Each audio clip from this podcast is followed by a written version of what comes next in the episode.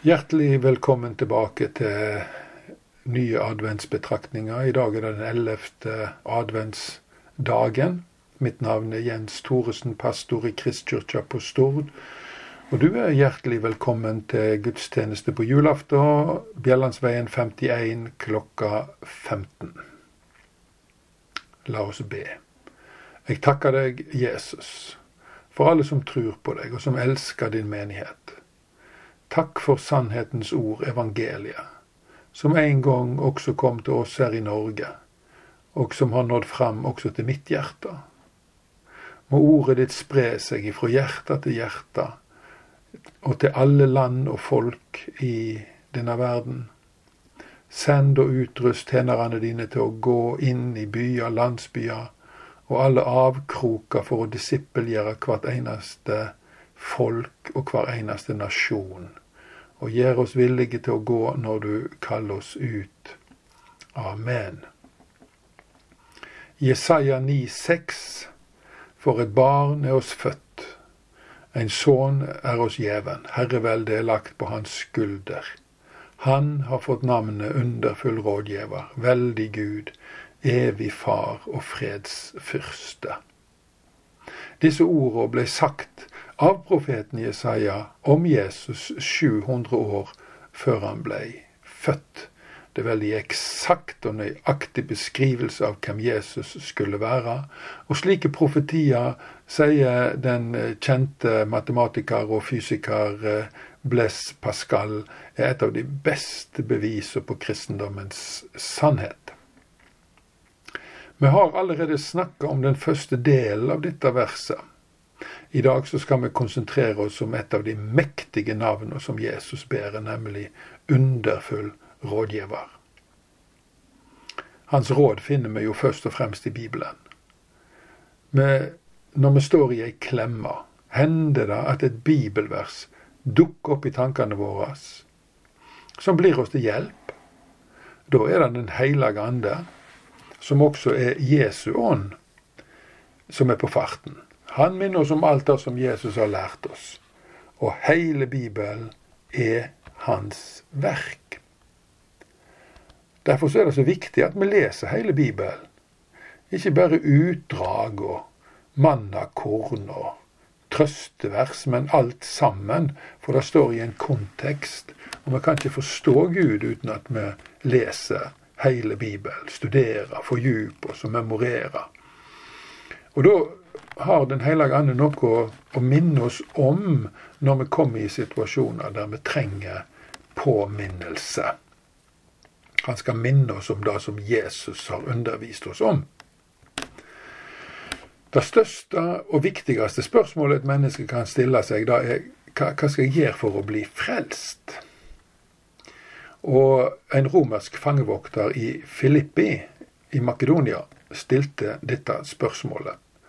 Det kan vi lese om i apostelgjerningene kapittel 16. Eh, og settingen er at Paulus og Silas, som satt fengsla på mirakuløst vis ved et jordskjelv, satt fri fra lenkene sine og ifra cellene sine. Og den overraska fangevokteren roper ut 'Hva skal jeg gjøre for å bli frelst?' Og da svarer Paulus, 'Tru på den Herre Jesus, så skal du bli frelst' du og familien din. Og dette er det vi kaller for Guds råd til frelse. Og det er en strålende sannhet at når en familiefar aksepterer Jesus, så, så aksepterer Gud hele hans familie. Og dette vil jeg at du skal ta med deg i dag, du som er urolig for ungene dine si tru og si framtid. Da at du tror, har en enorm betydning med tanke på hva de skal komme til å tro. Og så tenker jeg i dag på verdens politikere som står til halsen i problem, og som død og liv skal prøve å løse de sjøl, uten å konsultere kongen over kongene. Han som alltid kan gi de rådene som løser problemer. For en eventyrlig dårskap. Og forstå meg rett, det er ikke FN sine løsninger verden trenger nå, men Guds løsninger. Og mange av de er å finne i Bibelen. Disse folka kan bare audmjuke seg og lese, og kaller de på Herren Jesus og ber Han om hjelp. Så vil de få hjelp. Og så kan de begynne med å respektere de ti budene, for de ti er en sentral del av Guds råd om hvordan vi skal leve livet vårt. Det er det, det, er det som heter gudsfrykt, det er å respektere de ti budene til Gud. Og gjør vi det, så vil han gi de så gjør de det, så vil han gi de all den visdommen de trenger for å styre verden inn på rett spor. For begynnelsen til visdom er å frykte Herren, står det i ordspråket. Og ingen frykter Herren uten å respektere og holde de ti budene. Og det gjelder både privat og offentlig. Og det gjelder for alle som har lederansvar, enten det er noe politikere eller prester og pastorer. Vi må holde de ti budene. Vi må ikke tillate oss å gå på akkord med det som Gud en gang hogg inn i stein. For det gjorde han fordi at dette skulle vare. Det var lagra for all framtid inntil Jesus kommer igjen. Vi kan ikke bli frelst av å holde de ti buda. Ikke på noen måte. Men når vi er frelst, så får vi iallfall lyst til å holde de.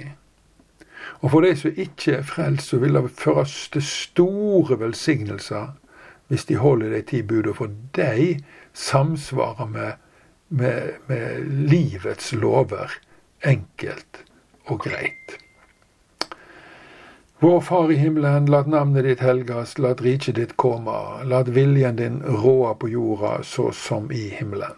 Gi oss i dag vårt daglige brød, og forlat oss vår skyld, som vi òg forlet våre skyldmenn. Og før oss ikke ut i freisting, men frels oss fra det vonde, for riket er ditt, og makta og æra i all eva. Må Herren velsigne deg og bevare deg. Må Han la sitt ansikt lyse over deg og være deg nådig. Må Han løfte sitt åsyn på deg og gi deg fred. Takk for at du tok deg tid til å lytte til Guds ord i dag, og jeg vil ønske deg en god kveld og en god natt og på gjenhør.